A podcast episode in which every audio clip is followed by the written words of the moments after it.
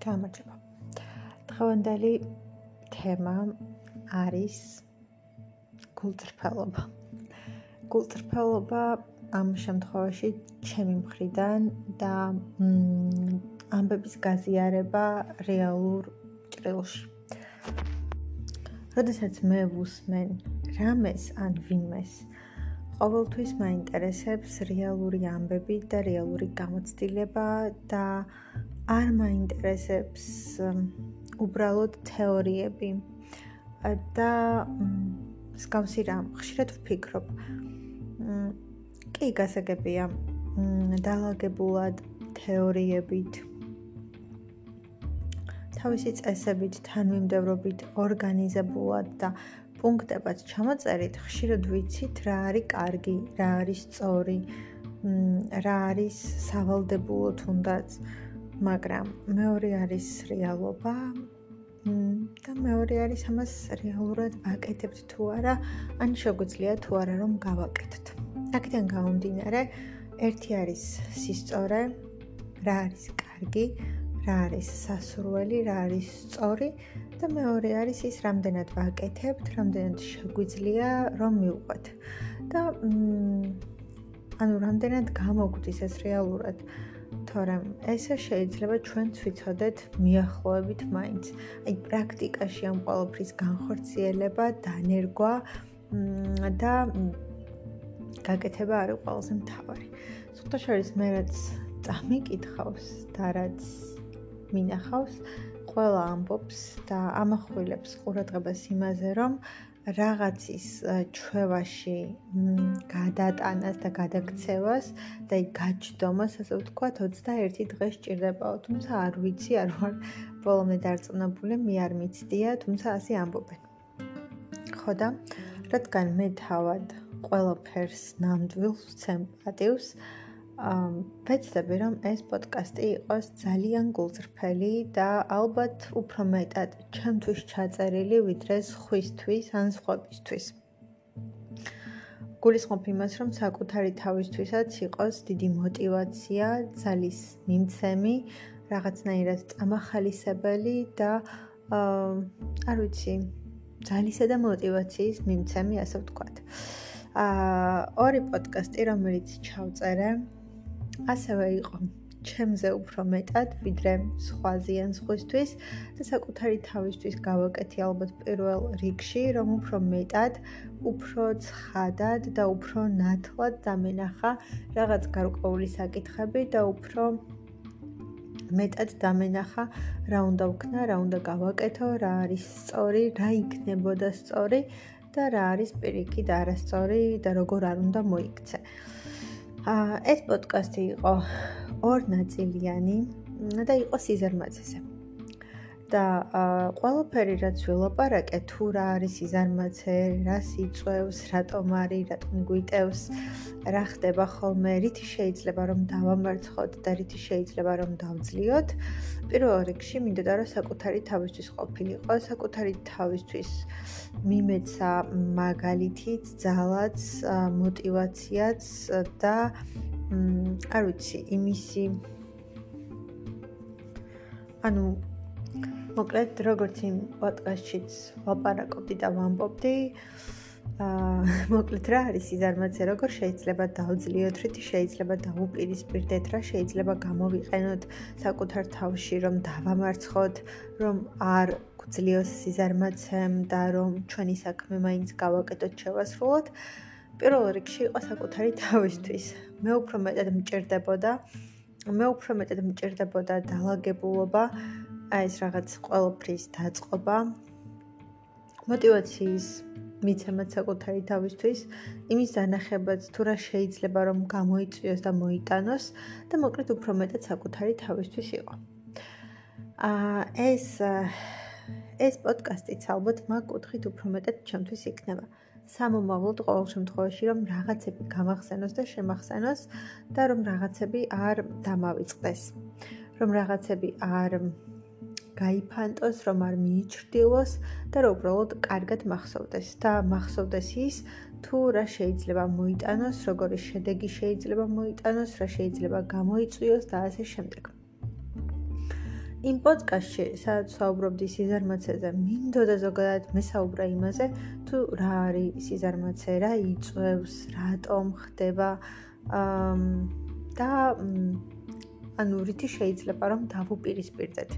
და ზოგადად მინდოდა იმ ჭრილში განმეხილა, რომ კი, ბევრი რაღაც არის, სადაც გვეუბნებიან რომ გვეუბნებიან რომ ასე მოიქცე, ისე მოიქცე, ეს გააკეთე, ის გააკეთე, ეს ამართლებს, ის ამართლებს და არის ძალიან ბევრი თეორია და არის ძალიან ბევრი რამ, მაგრამ რეალობაში და რეალურ ცხოვრებაში შეიძლება ყველაფერი ასეც არ ხდებოდეს და ყველაფერი ეს არ ამართლებდეს და არ ჭრიდეს.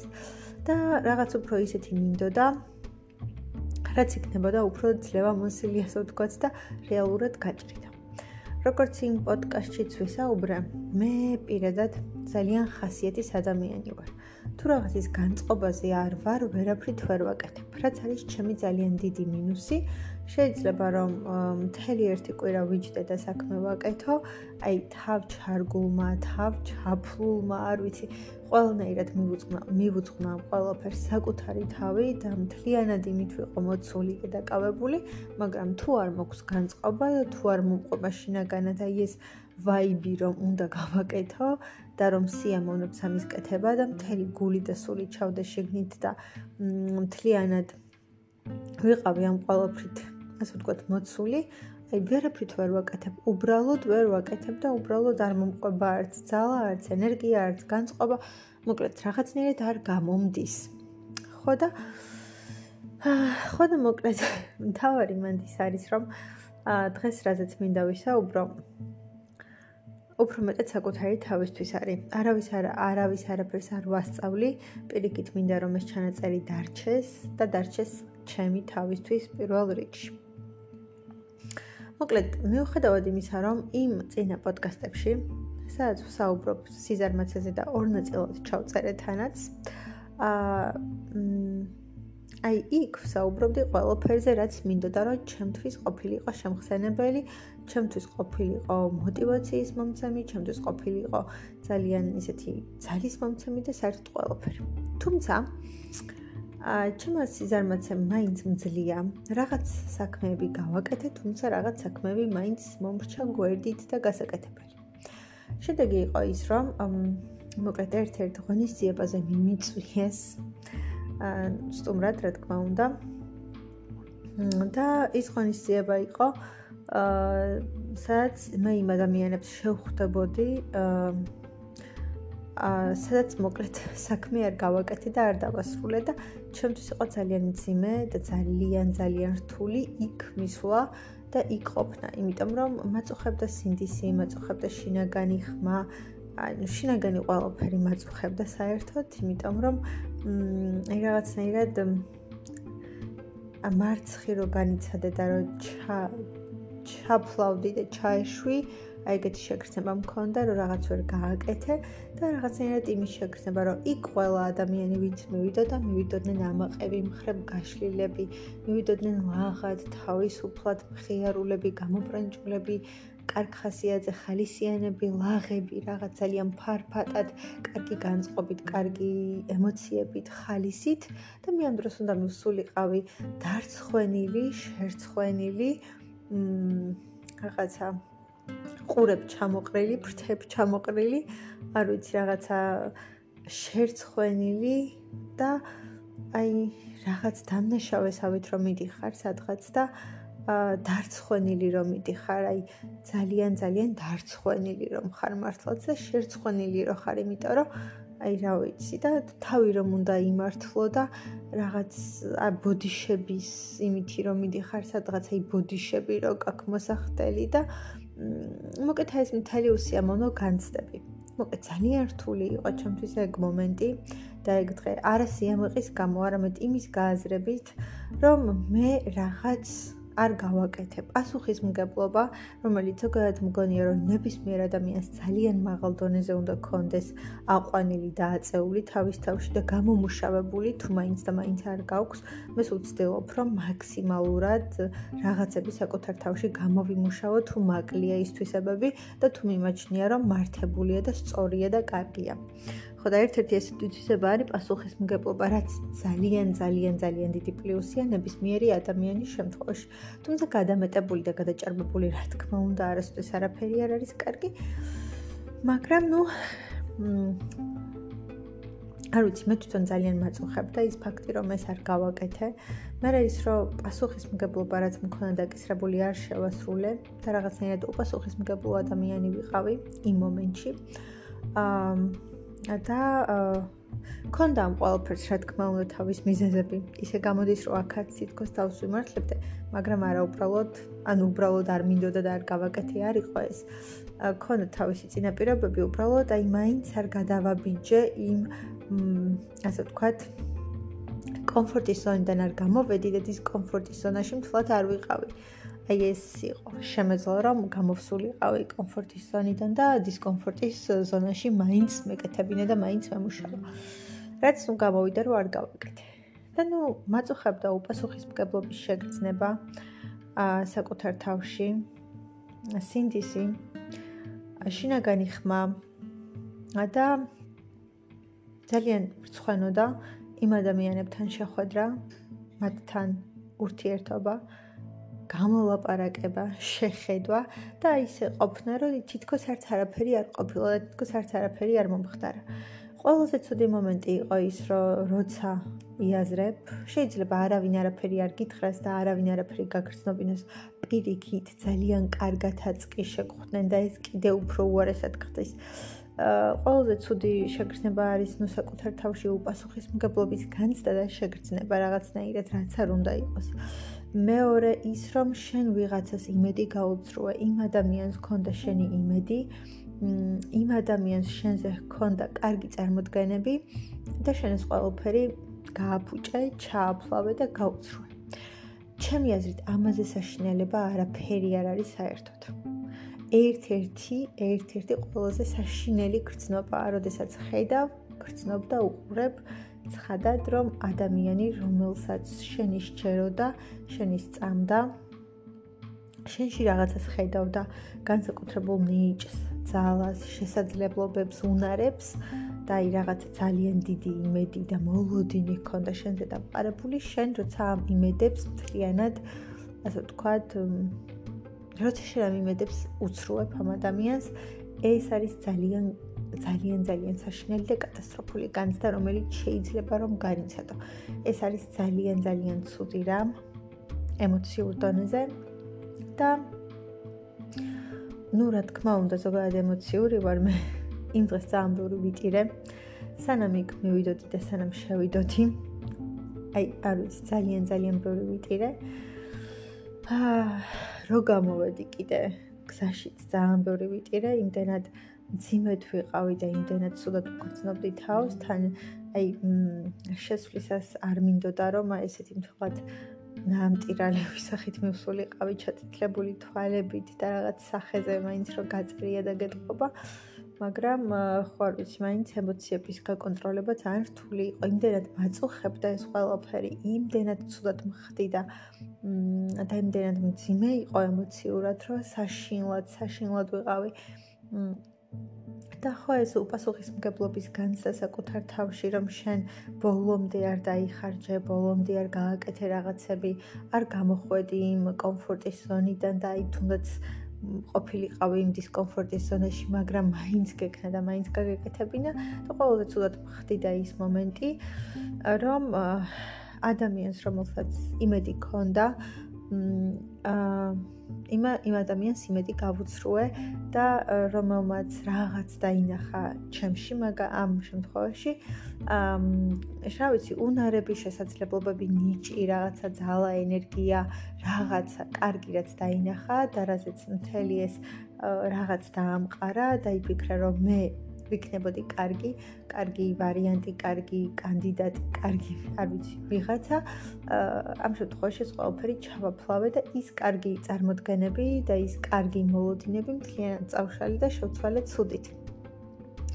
რომ არა ამის ნდობა არ შეიძლება ამ ადამიანს არენდობი ვერენდობი აა რომ უპასუხისმგებლოა რომ დაკისრებულ მოვალეობას არასრულებს, ან ვერასრულებს, რომ ამის იმედი არ უნდა გქონდეს, ამის ნდობა არ შეიძლება, სამომავლოდ არ დავიჭერ ამ ადამიანთან საქმეს და ურთიერთობას, იმიტომ რომ არ არის სანდო, არ არის საიმედო, არ არის მყარი, არ არის მყარად, ესე თქო, დასაყრდენი ადამიანი და შეიძლება რომ ნებისმიერ დროს და ნებისმიერ შემთხვევაში ასე იმედი გამიცრუოს და უბრალოდ აი ასე არ ქნას რაღაც და არ გააკეთოს.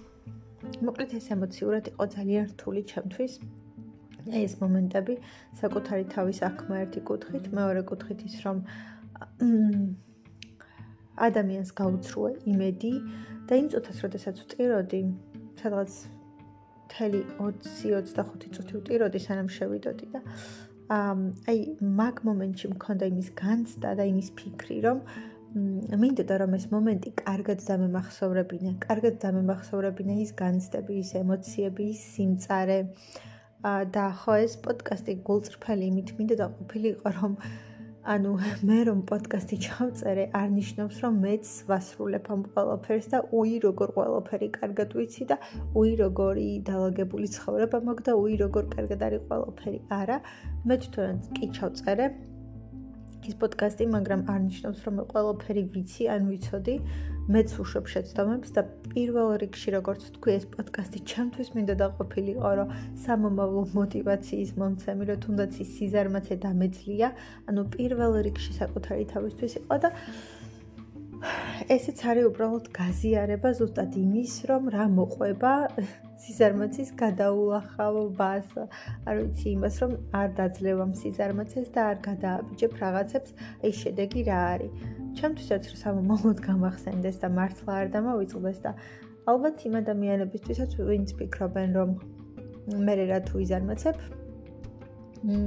და მათთვისაც ალბათ ვინც ფიქრობს, რომ მე რო სიზარმაცეს ჩავწერე პოდკასტი მე რა მიჭირს? კაცო ყველაფერს ყველაფერი ვიცი ყველაფერი დაწყობილი მაქვს დაალაგებული მაქვს გაგეპუნქტებად ხომ მქონდა ჩამოწერილი ჩამოციკციკებული ხავილოპარაკე და მე ვიცი რა უნდა ვქნა როგორ უნდა ვქნა ანუ ერთი არის იცო და მეორეა გააკეთო. ხო და იმ მომენტში როცა ესე ძალიან ემოციური ფონი მქონდა დავტიროდი. ერთ-ერთი რასაც ვფიქრობდი იყო ის რომ კარგად დამემახსოვრებინა ის მომენტი ის ემოციები და ის სიმწარე, რომელსაც განმიცდიდი. აი ეს მარცხის განცდაც ის ძალიან დიდი შინაგანი, არ ვიცი, ეს ტკივილიც, არ ვიცი, სევდაც, მთელი ეს ემოციების ორომტრიელი, რომელიც მიდიოდა, აი ეს მარცხის განცდაც ის ყველაფერი უპასუხისმგებლობის განცდაც ის რომ რაღაცა ჩავაფლავე, ის რომ აი ასეთი შერცხვენილი უნდა მივსულიყავი ის რომ რაღაცა აი ესეთი შერცხვენილი რომ მიდიხარ და თვალებში რომ უყურებ ადამიანს და ბოდიშების ტონით რომ უნდა მიხვიდე. სადღაც ეს მომენტები მინდოდა დამახსოვრებინა კარგად და აა რო შემდგომში აღარ დამეშვა რომ ეს ყველაფერი განმეორებულიყო ზუსტად მაგიტომ მინდოდა რომ დავემახსოვრებინა რომ მეორე დარ მიმეცა საკუთარი თავისთვის იმის უფლება რომ ეს კიდევ ერთხელ მომხდარიყო ეს კიდევ ერთხელ განმეორებულიყო და იგივე მეკრძნო. ჯობდა რომ თავი მომეკლა ღამეები მეთენებინა გამესწორებინა და ეტაპობრივად ნელ-ნელა მეკეთებინა, ვიდრე ის ნებისმიერი განცდა მქონოდა, რაც მქონდა.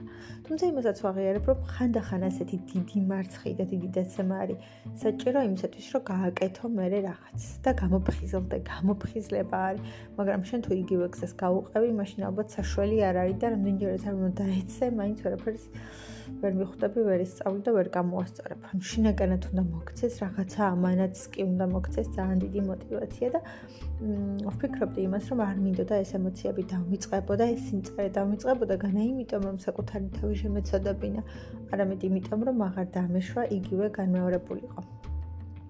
ყველაზე კიდევ ცუდი მომენტი რაც იყო, მივედი იქ, შევხვდი ადამიანებს. აა ვისაუბრებ მეტნაკლებად ნორმალურად ჩაიარა, მაგრამ ძალიან ბევრი ფრაზა, ძალიან ბევრი ფრაგმენტი, ძალიან ბევრი პატარ-პატარა მომენტი იყო ისეთი, სადაც დავინახე და უფრო ნათლად და უფრო მკვეთრად დავინახე და შევეხე იმ მომენტს, თუ რამდენი რამე გამოვტოვე. რამდენი კარგი რამ გამოვტოვე, რამდენი შესაძლებლობა გამოვტოვე, რამდენი კარგი ვარიანტი გამოვტოვე და რამდენი რაღაცა გავუშვი უბრალოდ. ძალიან ბევრი კარგი მომენტი ჩემი ცხოვრებიდან, რომლებიც შეიძლებოდა რომ გამომეყენებინა, შეიძლებოდა რომ მქონოდა და შეიძლებოდა რომ ჩემი ყოფილიყო, ასე ვთქვათ. ანუ ნივთიერი ესე ვთქვათ მატერიალური რამ არ იყო, ანუ მაგრამ უბრალოდ შესაძლებლობები, კარგი ვარიანტები ცხოვრებაში, რომლებიც ხანდახან გიჩნდება ხოლმე ადამიანს და მე ეს ყველაფერი შეიძლებოდა რომ მქონოდა. მაგრამ ჩემი სიზარმაცის გამო და იმის გამო რომ არ გავაკეთე, არ შევასრულე, არ მოვინდომი, არ მოვიკალი თავი, არ ვაიძულე საკუთარ თავს, არ წავედი ასე ვთქვათ, დისკომფორტის გზაზე და ჩემს ჩემი კომფორტი ვამჯობინე ყველაფერს. ზუსტად ამ ყველაფრის გამო იყო ის მარცხის განცდა და ის მთელი განცდები, რომლებიც მქონდა. და ყველაზე ცუდი არის ის, როდესაც ხედავ და ხვდები, რომ შენ ცხოვრებაში მქონდა შესაძლებლობები. ამ შემთხვევაში უგულისხმობ კარგ შესაძლებლობებს, კარგ ვარიანტებს და კარგ რაღაცებს, ანუ რაც რაც გქონდა, აი ყოველთვის ხომ არ არის რომ ცხოვრება გაძლევს რაღაც შესაძლებლობებს და შანსებს ცხოვრება მის შანსი მოგცა ძალიან მაგარი ვარიანტი ჩაგივარდა ასე ვთქვათ. და გამოტოვე უბრალოდ უბრალოდ გამოტოვე იმიტომ რომ უბრალოდ დაგიზარა ასე ვთქვათ ადგომა და იმ ყოველფრის ასე ვთქვათ ხელის მოკიდება და არ ვიცი. უბრალოდ დაგიზარა რა და ეს იყო ყველაზე ცუდი განცდა. როცა მივხვდი და გავიაზრე და და გავაანალიზე, რომ მე ძალიან ბევრი კარგი მომენტი, კარგი შესაძლებლობა გამოვტოვე და ის ვარიანტები, ის შანსები, რომლებიც მქონდა, უბრალოდ გამოვტოვე. და ასევე ვუყურებდი ადამიანებს 3-4 5-ს. ამიშნობა სადღაც ესე. ვინც არ გამოტოვა და ვინც ბოლომდე თავი დადო, ასე ვთქვათ და ყველაფერი გააკეთა და ასე ვთქვათ თავი წარმოაჩინა. და მათ მოინდომეს და მე არ მოვინდომე. მე არ გავაკეთე ყველაფერი, რომ ეს ყველაფერი მქონოდა, რომ ეს ყველაფერი ჩემი ყოფილიყო, რომ ყველაფერში ყოფილიყავი ჩართული და ამის ნაწილი და აქტიური წევრი და ეს ყველაფერი მოხდა ზუსტად იმიტომ, რომ რაღაც მომენტში მთელი ეს პროცესი და მთელი ეს პროცესები გადიოდა სიზარმაცეზე. აი ეს იყო მთელი ამბავი და რო გამოვედი და კიდე ამ ემოციურ ფონზე რო დაემატა ამის ამ ყოველფრის შეგრძნება ჯერხო შესვლამდე იმის განცდა მქონდა რომ დავმარცხდი რომ ჩავფლავდი რომ რაღაც ჩავაფლავე რომ რაღაც ლუზერი ვარ ვიღაცას იმედი გავუცრუე რომ უპასუხისმგებლო და მთელი ეს ემოციათა რაღაც ნაკრები და შემდეგ უკვე როდესაც იქ ვიყავი და იქიდან გამოვედი, უფრო მეტად მქონდა იმის შეგრძნება, რომ მე ძალიან ბევრი ვარიანტი, შესაძლებლობა და შანსი მქონდა, რომლებიც ხელიდან გავუშვი და ეს არ იყო რაღაცა ცუდი ვარიანტები და შესაძლებლობები. პირიქით, აბსოლუტურად კარგი, კარგი რაღაცები, აი ეს უბრალოდ ოპტიკით გავუშვი. ვითომც არაფერი. და ეს იყო ძალიან ცუდი განცდა. და კიდევ უფრო მეტად მქონდა იმის განცდა, რომ ადამიანს მე გავუცრუე იმედი და ძალიან ძალიან ცუდი მომენტი იყო მის გააზრებაც, რომ ვიცი, ადამიანს იმედი გაუცრუე, ადამიანს ქონდა შენი იმედი, ადამიანი ფიქრობდა რომ შენ რაღაცები შეგიძლია, რომ შენ გაქვს რაღაც ნიჭი, უნარი, რაღაცა რაღაცა და თუნდაც 10 კაციდან ამოგარჩია და ერთ-ერთი იყავი და ანუ შეეძლო იმათიდან კიდე სხვა ამოერჩია და შენ არა და შეიძლება იმას გაემართლებინა მთელი ეს მოლოდინი და მოლოდინები და შენ ამ დროს მთელი ეს რაღაც დამყარებული იმედები და მოლოდინი ამ ადამიანს გაუცრუე. და ნუ ძალიან ცუდი მომენტი იყო ეს ყველაფერი. და რატომ გადავწყვიტე ახლა ჩემი მარცხის გაზიარება? და რატომ გადავწყვიტე რომ ეს ყველაფერი მომეყოლო? ალბათ იმიტომ რომ პირველ რიგში გულწრფელობა პირველ რიგში ვაფასებ გულწრფელობას და ნამდვილ და რეალურ ამბებს და მათ გაზიარებას და არა რაღაც მოგონილ ამბებს. აა და თუ მე მინდა რომ ჩემი პოდკასტი თუნდაც ვიღაცა ერთ ადამიანს მაინც რამეში წაეხმაროს და ეხმაროს ალბათ გულწრფელობა არის პირველი, რაც და რაც ასე ვთქვათ, და გულწრფელად ამბების და რაღაცების გაზიარება, რაც შეიძლება ვიღაცას გამოადგეს, ან ვიღაცა ოდნავ მაინც დააფიქროს და ეს არის ალბათ მთელი მთავარი მთავარი ამბავი. აა და ამის იქით გულწრფელობა ზუსტად ისიც, როდესაც მე ჩავწერე პოდკასტი სიზარმაცეზე და ორი პოდკასტი ჩავწერე ამ თემაზე, ორ ნაწილად უფრო სწორად. და ანუ ის რომ რასაც ვსაუბრობდი, არ ნიშნავს რომ მე ყველაფერი ვიცი, მე არაფერი მეშლება, მე ყველაფერი დაალაგებულად მაქვს, მე რა მიჭირსაგე, მე ასე დაწყობილად ვსაუბრობ მაგალითად რაღაცებზე და აი ესეთი პუნქტებად მაგ გამოყოფილი და ეს არის და ეს არის და ის არის და ეს არის და ეს არის მიზეზი და ის არის მიზეზი.